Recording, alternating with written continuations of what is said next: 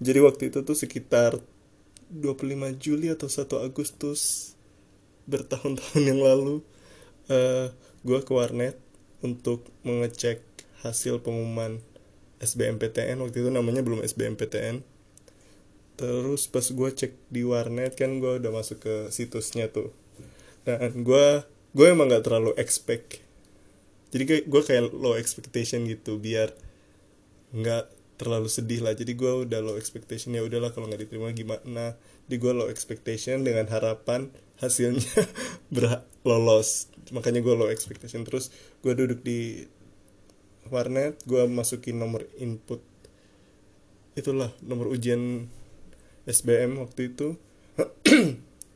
Dan ketika gue masukin terus gue enter hasilnya maaf anda bla bla bla bla jadi karena gue udah lo ex apa nih berekspektasi apa yang lo rasain? Berek tunggu belum selesai. Karena gue berekspektasi rendah jadi ya gue nggak terlalu kaget kaget amat. Nah itu yang gue rasain. Gue nggak kaget kaget amat. Tanya apa dong? Tapi sedih.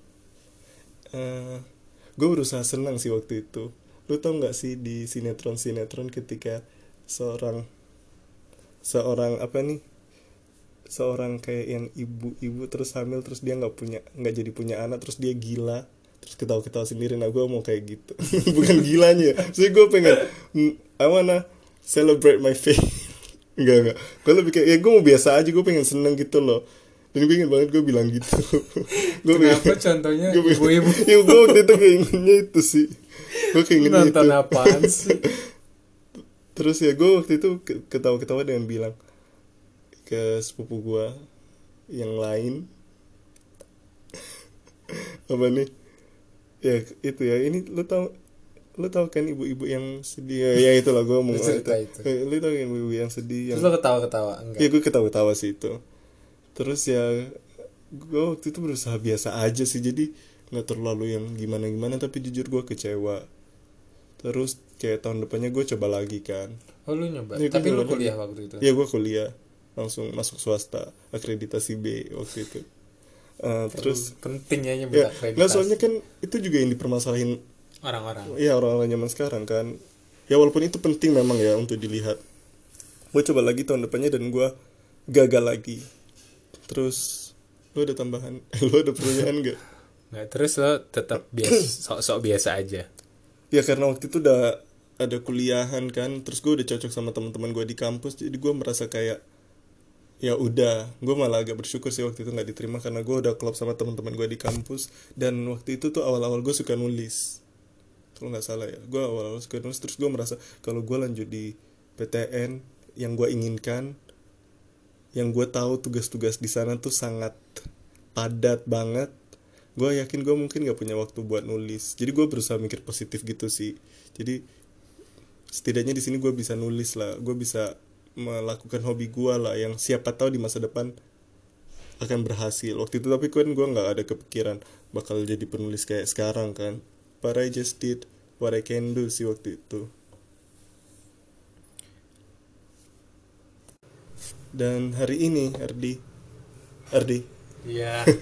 Gue gue gue nerima banyak pesan. Di lu juga nerima pesan-pesan keluh kesah bersedih hati di DM nggak tentang kalau aku gagal lolos beri motivasi dan uh, makanya kita kami bikin podcast ini ya we want to give you a little enlightenment sih ya, kayak apa aja tapi ya we want to give you a little enlightenment uh, kalau kegagalan kamu hari ini tuh ya cuma kayak halaman ke-25 dari buku kamu gitu loh.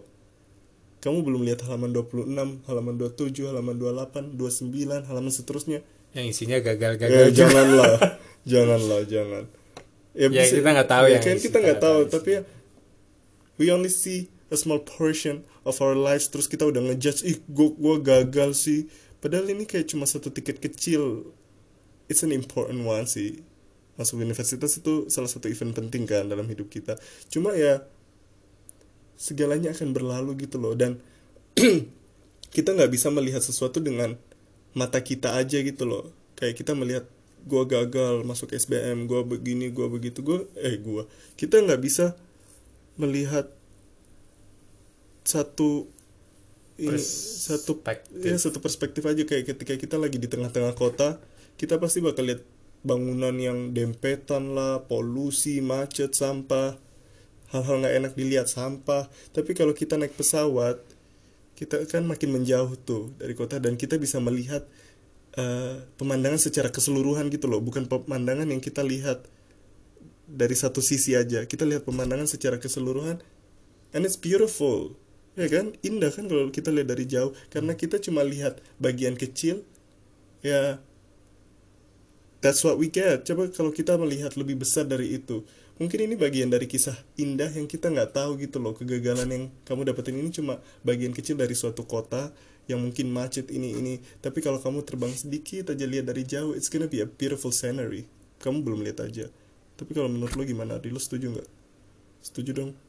Very motivational ya gue agak apa? Enak. Nggak nggak. Ya benar sih. Mungkin nanti di umur umur 30 gitu lah ya di umur 40 atau kita udah lebih tua kita baru bisa Enggak, melihat. nggak harus sejauh itu juga bisa aja di umur 25 tapi ya bisa juga kan di Iya umur sih. 30 ya kita baru bisa melihat gitu loh makna atau hikmah di balik kegagalan-kegagalan kita. Tapi kegagalan tuh ya apa ya? Ya betul sih it's part it's part of our life gitu loh. Bayangin kalau lo nggak pernah gagal gitu. Ya lo nggak akan jadi lo yang sekarang juga kan pasti. Nah, kegagalan yang kita hadapi kan juga membuat pemikiran kita jadi kayak gini kan. Iya, betul. mungkin kalau gua nggak pernah gagal lu nggak pernah gagal kita nggak nggak akan bisa bikin podcast ini dengan enlightenment seperti ini. Heeh. Ya, tapi yang menurut gue ya gitu juga. Ya dunia tuh didesain buat ya kayak gitu. Which is a good thing sih sebenarnya. Maksudnya kita merasakan kegagalan posisi yang nggak enak entah itu kesedihan.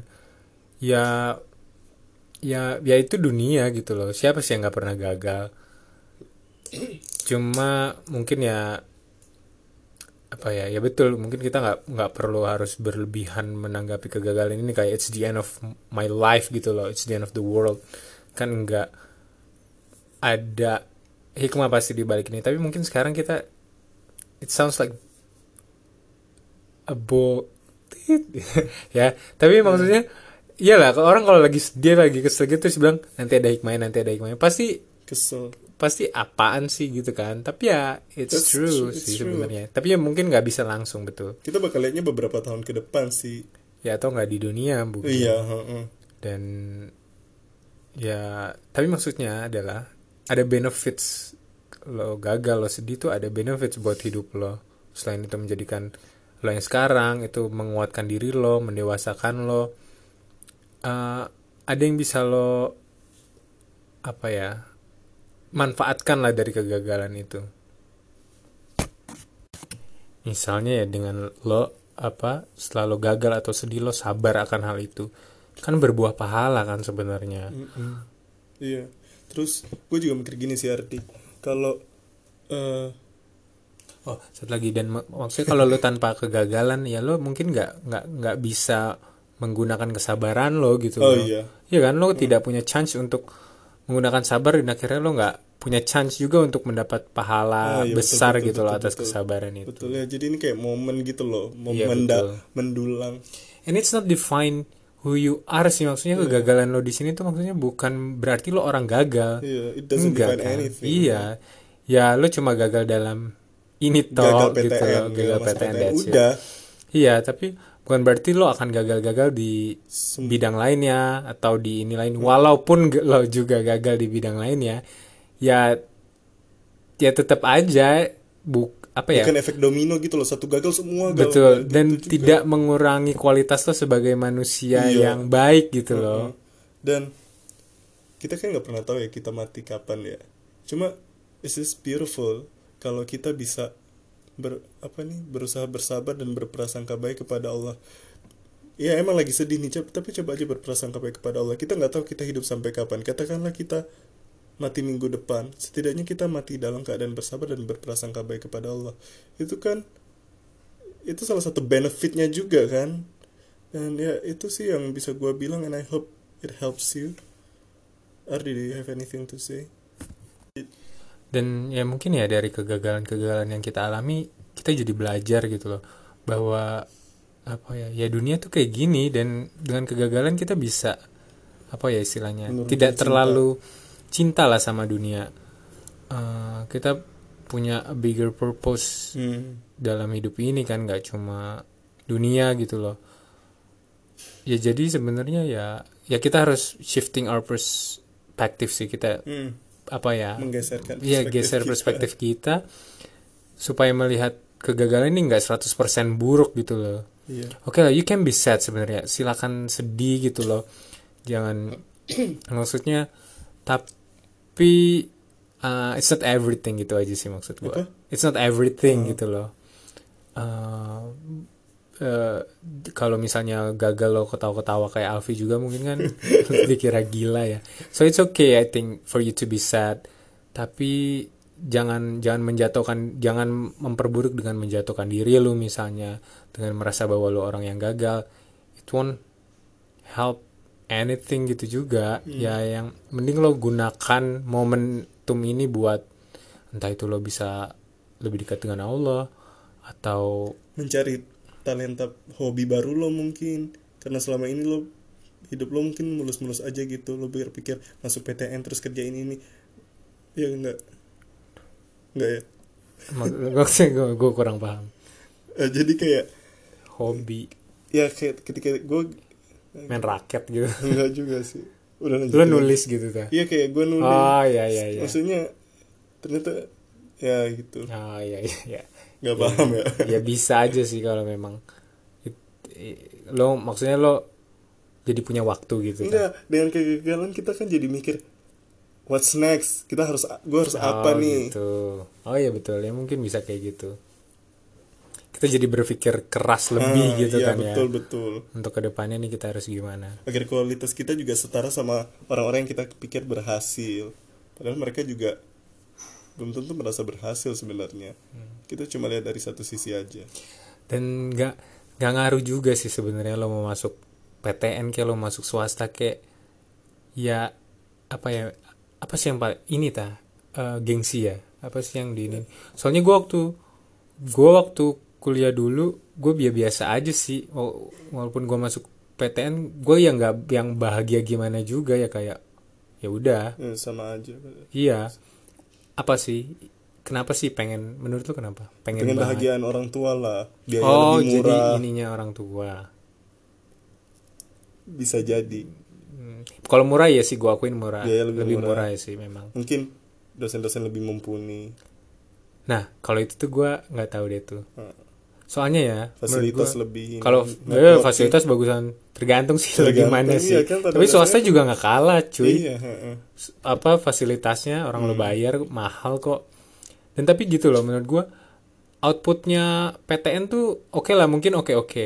Tapi karena inputnya udah oke, paham Maksudnya? gak lo? Kan masuknya lewat tes, Hmm. diterima yang pinter-pinter dong. oke Jadi ya outputnya ya juga oke. Tapi menurut gue proses di dalamnya ya ada aja dosen yang kurang oke kurang oke, Oh. fasilitasnya kurang, namanya Oh, negeri ya. oke oke oke. Sedangkan swasta tuh gue melihat malah fasilitasnya oke, dosennya niat ngajar mungkin karena gajinya juga lebih besar kali ya.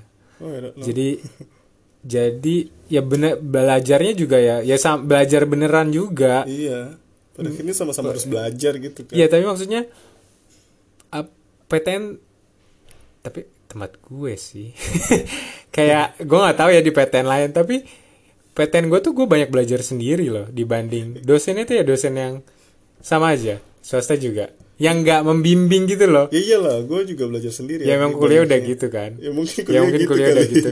Jadi maksudnya tapi ya mungkin kan kita ngelihat kayak oh negeri outputnya oke. Menurut gue itu karena inputnya udah oke. Oke. paham nggak?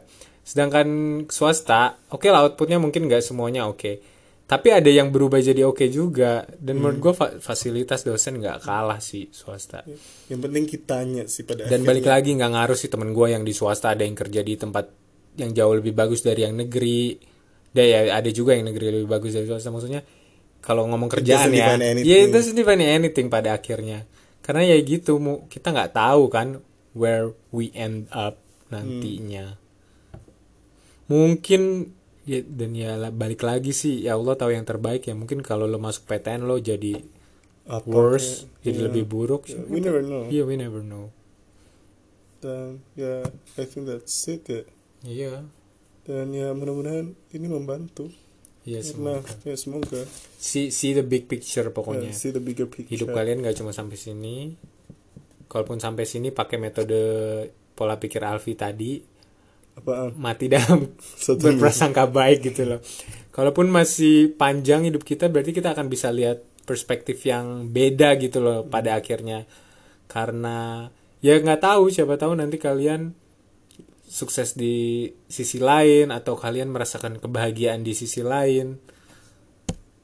Kalaupun gagal di sini, ya balik Let's, aja uh, doesn't see the bigger anything. picture, Yeah, so- see, see the bigger picture. that's it thank you for listening see you on the next podcast